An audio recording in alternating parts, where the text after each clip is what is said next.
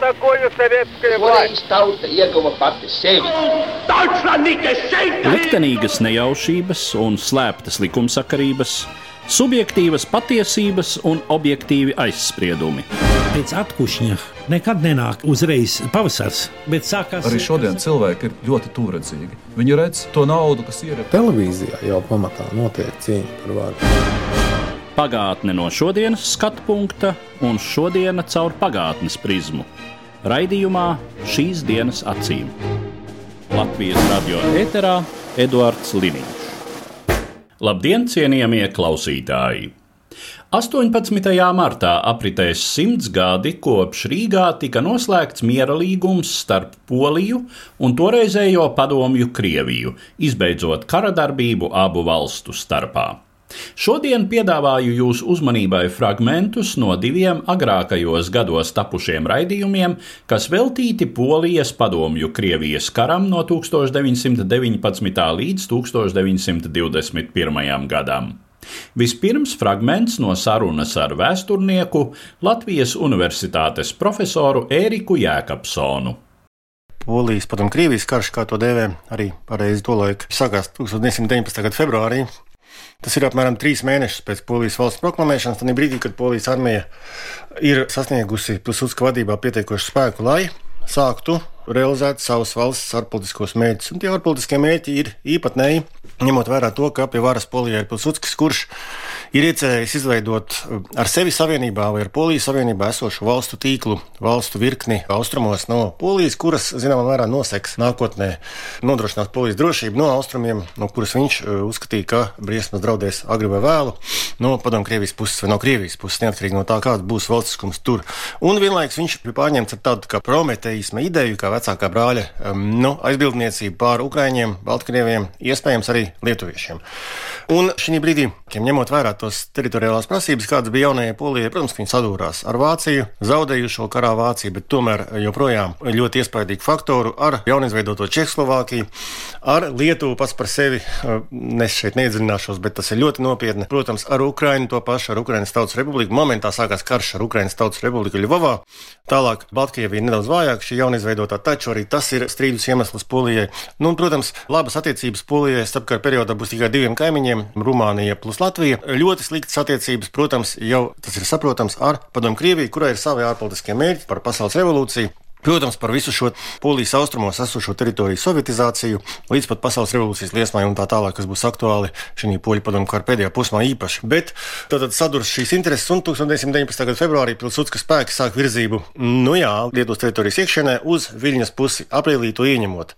Pilsudskis pats pēc izcelsmes, tāpat kā ļoti daudzi poļu valsts vīri lietuvietis, Tā viņš arī sevi dēvē. Protams, ka šī vārdā viņš saprot kaut ko pilnīgi savādāk nekā tas ir uh, no modernās lietuviešu nācijas viedokļa. Nu, lūk, protams, Droši, ka lietuviešu valodā nerunā. Nē, nu, protams, ka nē. Protams, ka nē. Un šajā gadījumā tāda ir arī vesela virkne radzīviliem, sacīm redzama lietuviešu izcelsmes persona, kas uzskata sevi par poļiem. Un šo te varētu nosacīt salīdzināt ar to, kā baltietis vai baltvācietis nav gluži tas pats, kas mūsu izpratnē balts. Ja?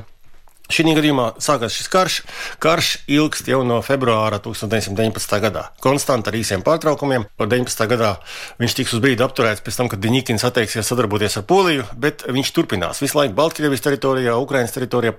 Klusu, mierīgi, bet turpinās klusu, salīdzinot ar to, kas būs vēlāk, no aprīļa 20. gadā sākot, kad sāksies šī intensīvā fāze.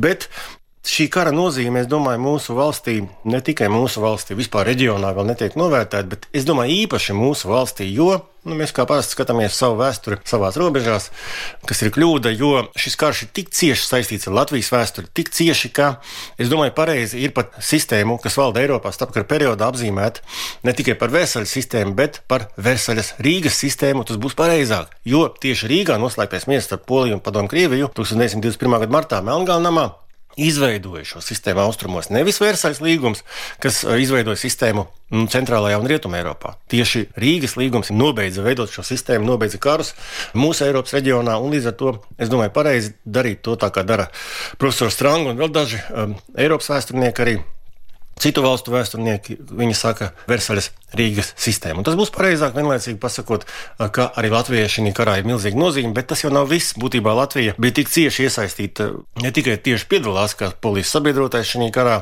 20. gadā vairākus mēnešus, bet arī ir apdraudēta visciešākajā veidā. Ja Varšavas kauja beigtos savādāk, visticamāk Latvijas valsts arī beigtu pastāvēt, jo pasaules revolūcijas idejas pārņemtā padomu Krievijas valdība jau bija gatava šī brīdī iznīcināt arī valstu neatkarību, ar kurām viņi tikko bija noslēgusi šo mieru līgumu. Bet tas, protams, bija tikai solis taktisks Leņķina izpratnē uz šo pasaules revolūciju. Par tām Austrum Eiropas nācijām, kuras tajā brīdī arī mēģina izveidot savu valstiskumu. Un pirmkārt, tātad es runāju par Ukraiņiem un Baltkrieviem, kuri atrodas pa vidu starp šiem diviem lielajiem spēkiem, tātad Poliju rietumos un Padomu Krieviju austrumos.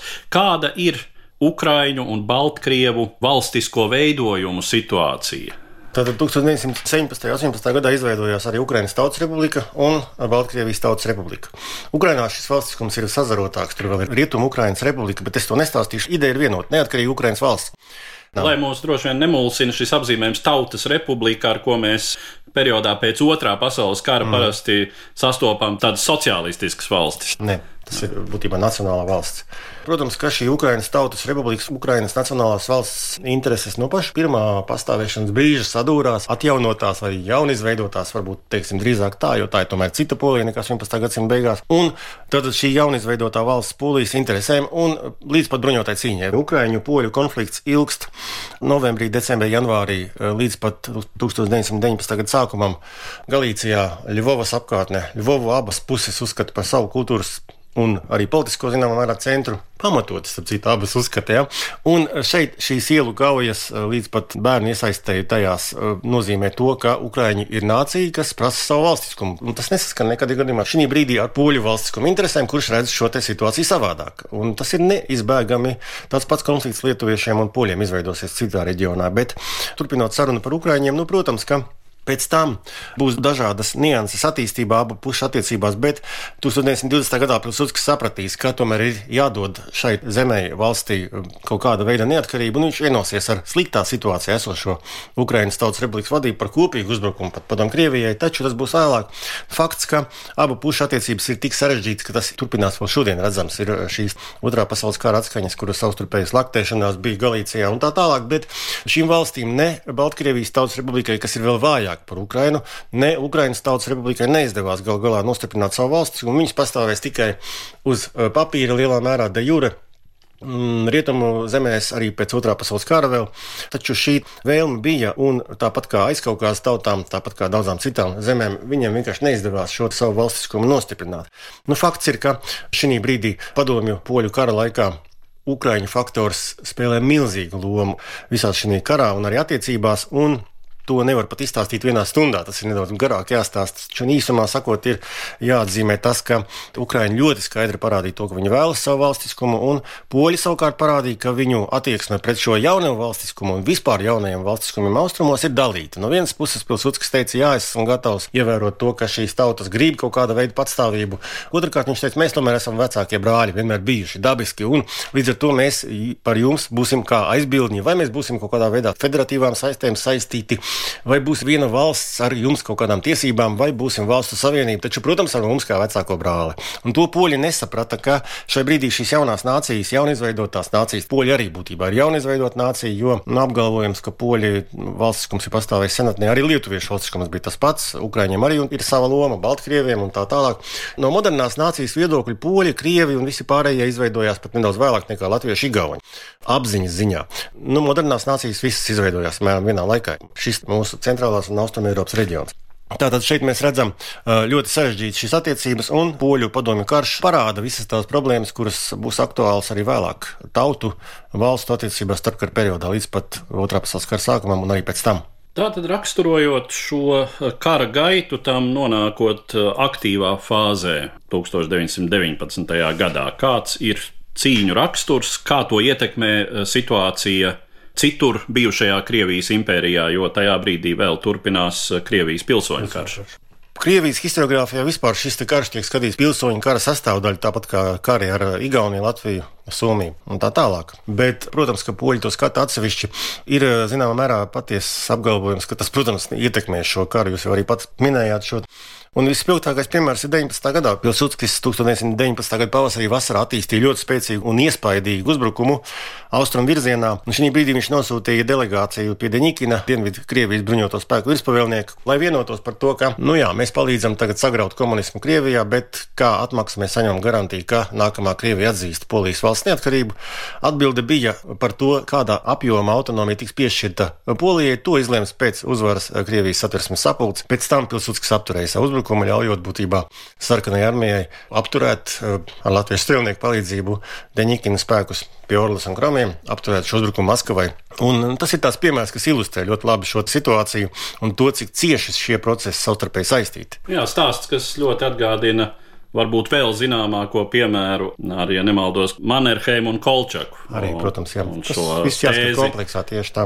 Ja zimļoju ruskaiņi targuju, es Krievu jā. zemes neiztirgoju, tātad jebkurš subjekts, kas ir bijis Krievijas impērijas sastāvdaļa, var cerēt uz kaut kādu autonomiju jā, pēc uzvaras pār bolševikiem. Un, protams, arī lielākoties runa ir par autonomiju, kas, saprotams, nav pieņemams ne tikai somiem, bet arī poļiem un latviešiem un visām piesauktajām tautām. Gluži no militārā viedokļa, tajā brīdī, kad sarkanā armija uzsāk pretuzbrukumu un spiež atpakaļ balto spēkus uz dienvidiem Ukrainā, kā tad veidojās savukārt sarkanās armijas un polijas armijas attiecības. Nu, līdz ar to, ka sarkanajai armijai padomu Krievijas valdībai ļoti aktuāla cīņā gan ar Kolčaku austrumos, gan ar Judeņiču gal galā visu 19. gadu gan, protams, dienvidos ar šiem militāriem formējumiem, gan ziemeļos ar militāriem spēkiem. Un eh, līdz ar to uzmanība rietumiem tiek veltīta tik lielā mērā, cik tas ir aktuāli no šo te teritoriju Baltijas ieņemšanas 19. gada sākumā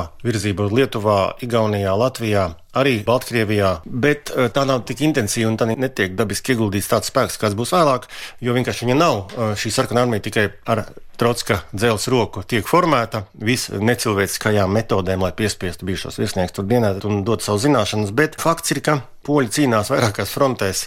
Galvenā no tām ir padomu Krievijas fronte, bet valdot pašai polijas valdībā neskaidrai koncepcijai, ko darīt tālāk, kā rīkoties austrumu zemju jautājumos, kādas teritoriālās prasības austrumos izvirzīt. Nu, šī kardarbība nav intensīva un nav tik intensīva, kā būs vēlāk 20. gadā.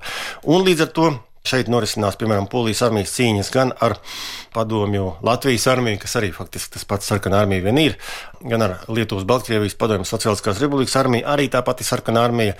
Nu, protams, arī ar sarkano armiju Ukrainā, bet Tās ir vairāk tādas nu, pozīciju noturēšanas cīņas ar nelieliem pārvietojumiem. Līdz pat 20. gada pavasarim, 20. gada sākumā, jūs zināt, ka tad janvārī Latvija kopā ar Poliju veica šo uzbrukuma akciju Latgalē.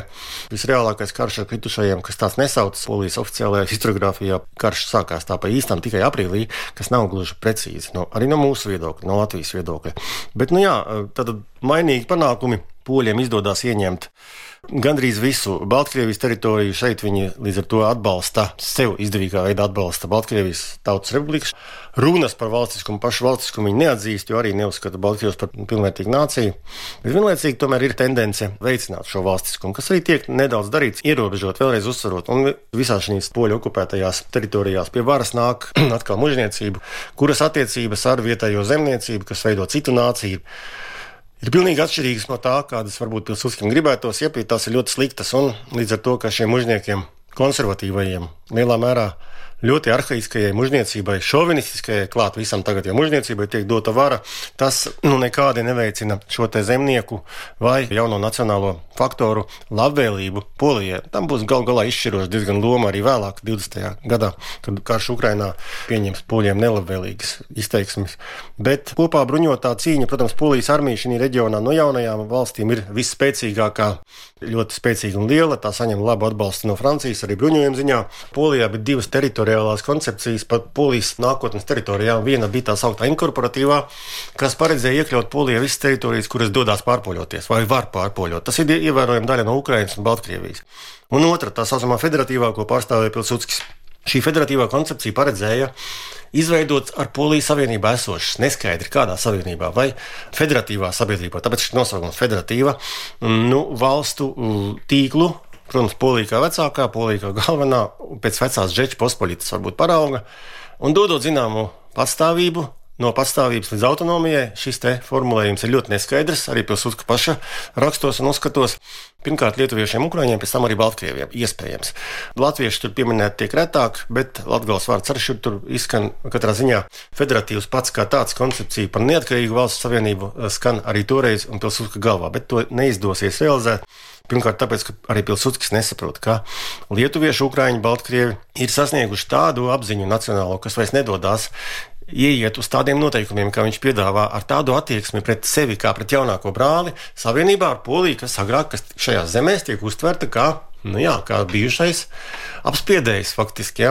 Tas pats, kas Latvijai piedāvātu savienoties, piemēram, ar Vāciju. Nu, tas, es šeit varbūt ne gluži korekti salīdzinu, bet lai saprastu to ideju, kāda ir lietuviešu galvās. Baltijas hercogisti apmēram jā, ap to pašu laiku ar vācu jā. princi kā jā. karali vai, vai archercogu. Par otru pusi, par Ļeņina bolševiku valdību Maskavā. Kādi ir tās mērķi? Tad, kad 1920. gada vasarā sarkanajai armijai izdodas ļoti veiksmīgs pretuzbrukums un poļi tiek strauji spiesti atpakaļ līdz pat Vislas upē, līdz Varšavai. Jā, no 19. gada sākuma ļoti skaidri redzams, kaut vai uz notikumu paraugu Latvijā, kādas ir pēc Brestļitovskas miera anulācijas, kāda ir padomju Krievijas valdības nodoma. Un tie, protams, ir pirmkārt bijušo Krievijas teritoriju atgūšana ar militāru spēku, un pēc tam pasaules revolūcijas iedegšana Eiropā un pasaulē. Sociālisko Savienoto Republiku izveida, bet 20. gadā aprīlī, kad pilsūckas spēki sāka uzbrukumu Ukrainā un Baltkrievijā, sākumā izdodas gūt labus panākumus, bet tas jau ir laiks pilnīgi savādāks nekā 1919. gadā, kad sarkanā armija bija aizņemta citās Krievijas iekšējās frontēs šī brīdī jau šī mobilizācijas spēja ir pieaugusi vairāk kārt, un 1920. gada vasarā Sarkanā armija izdodas sakoncentrēt pret polijas spēkiem tādu karaspēku daudzumu, kurš ir tik labi jau bruņots, apmācīts, ka 1920. gada jūnijā un jūlijā, sevišķi jūlijā sākums, sākās uzbrukums, kurš pārvērš polijas atkāpšanos bēgšanā.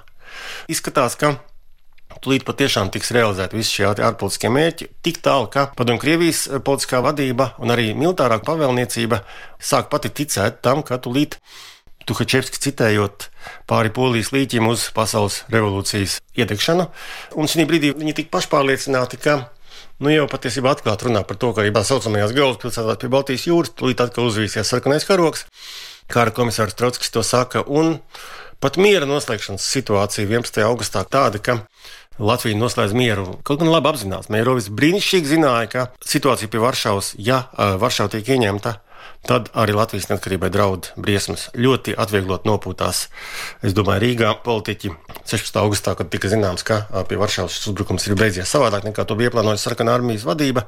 Es pat nerunāšu šeit par iemesliem, kāpēc, bet viens no galvenajiem iemesliem ir tas, ka uh, koncepcija paredzēja, ka ieiešana Polijā nozīmēs to, ka visi darba ļaudis saceļās pret saviem varas nesējiem vai mužniekiem un kapitālistiem un atbalsta sarkanu armiju, jo tā ir strādnieku zemnieku valdība, kas nes viņiem brīvību. Nekas tāds nepiepildījās, milzīgs patriotisma viļņa pieplūdums, stājās brīvprātīgi armijā 900 tūkstoši, izveidojās miljonu liela armija, armijā stājās bērni, sievietes, un šī dziļi etniskās polijas teritorijā iegājusi sarkana armija paliek izolēta izolēta partizāņu karš, uzbrukumi no visām pusēm, nepietiekoša sakari, nepietiekoša apgāde.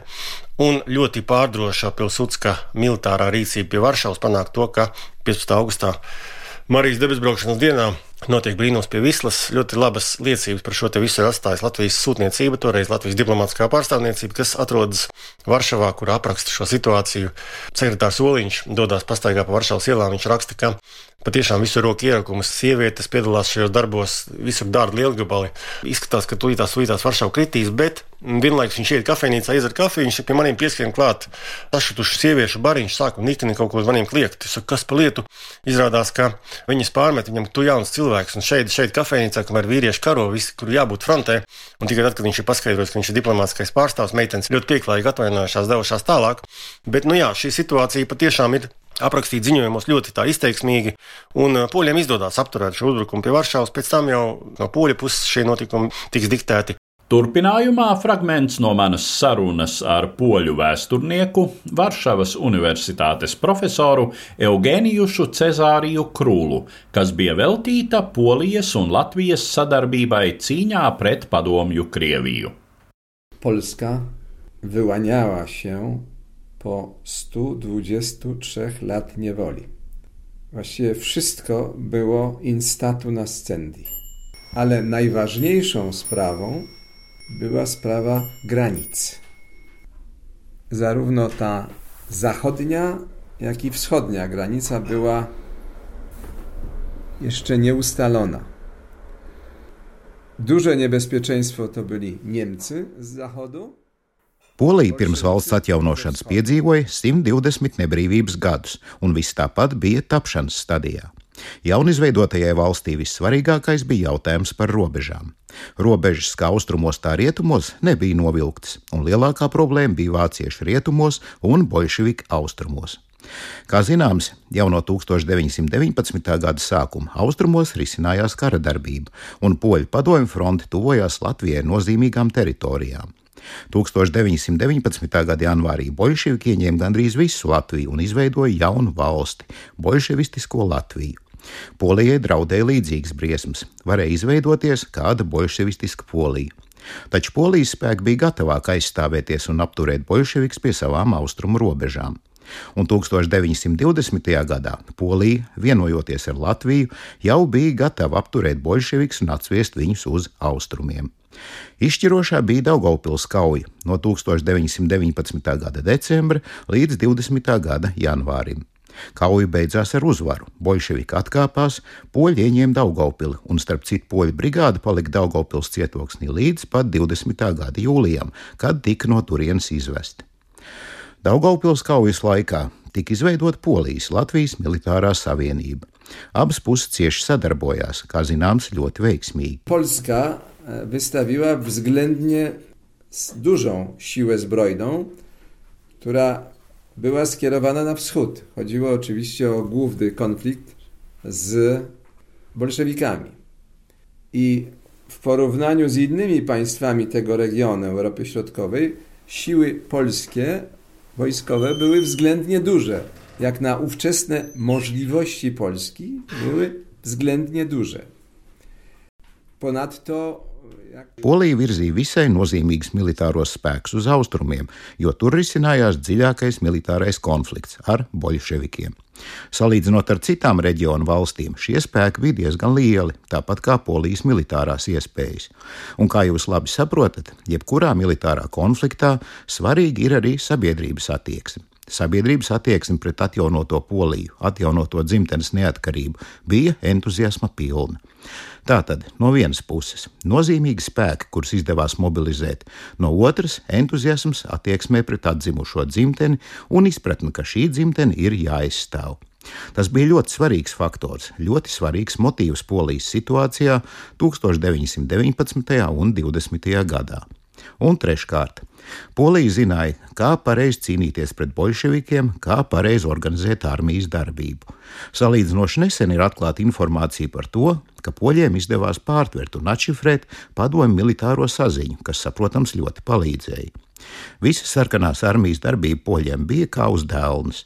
Daudzus gadus bija aktuāls vēstījums par tā saucamo brīnumu pie Vislas. Sarkanās armijas sakāvu Varšavas pievārtē 1920. gada augustā. Tas tika uzlūkots teju kā dieva brīnums, ka pats dievs tas kungs nāca poļiem talkā izšķirošajā kaujā pret bolševikiem. Bet tagad ir skaidrs, ka Dievs, protams, bija žēlīgs, bet bija arī uzlaustie padomju šifri, kurus poļu izlūkdienests izmantoja jau iepriekš, ziņojot par visām sarkanās armijas darbībām. Tā Polija uzvarēja ļoti grūtā situācijā, kad tā bija tikai nesen atzimusi valsts. Tomēr tā prata raisīt vispārēju entuziasmu un organizēt pietiekamus spēkus, kuri 1919. un 20. gadā spēja aizstāvēt Poliju. Kā zināms, Polijas valsts jau bija pastāvējusi arī pirms tam. Bija Polijas Lietuvas valsts, kur mēs dēvējam par Pirmo republiku - Žečpospoļitu. Karā pret bolševikiem izdevās ieņemt gandrīz visu šīs agrākās valsts teritoriju, taču Rīgas mierlīgums tas bija kompromiss, kura rezultātā jaunā robeža tika vilkta pārsimts kilometrus uz rietumiem no kādreizējās. Ja mēs runājam par konkrēto situāciju, kas ļāva nonākt līdz kopīgai militārajai operācijai, kurš pirmais izrādīja iniciatīvu - Latvija vai Polija? Kurš spēra pirmo soli? The first step uh, made the, the Polish, uh, ponieważ dla Polski ta sprawa była bardzo ważna. Stąd, z tego co ja wiem, to co się stało potem pod Dyneburgiem, to jest zasługa Polaków, bo Łotysze przez jakiś czas byli niezdecydowani.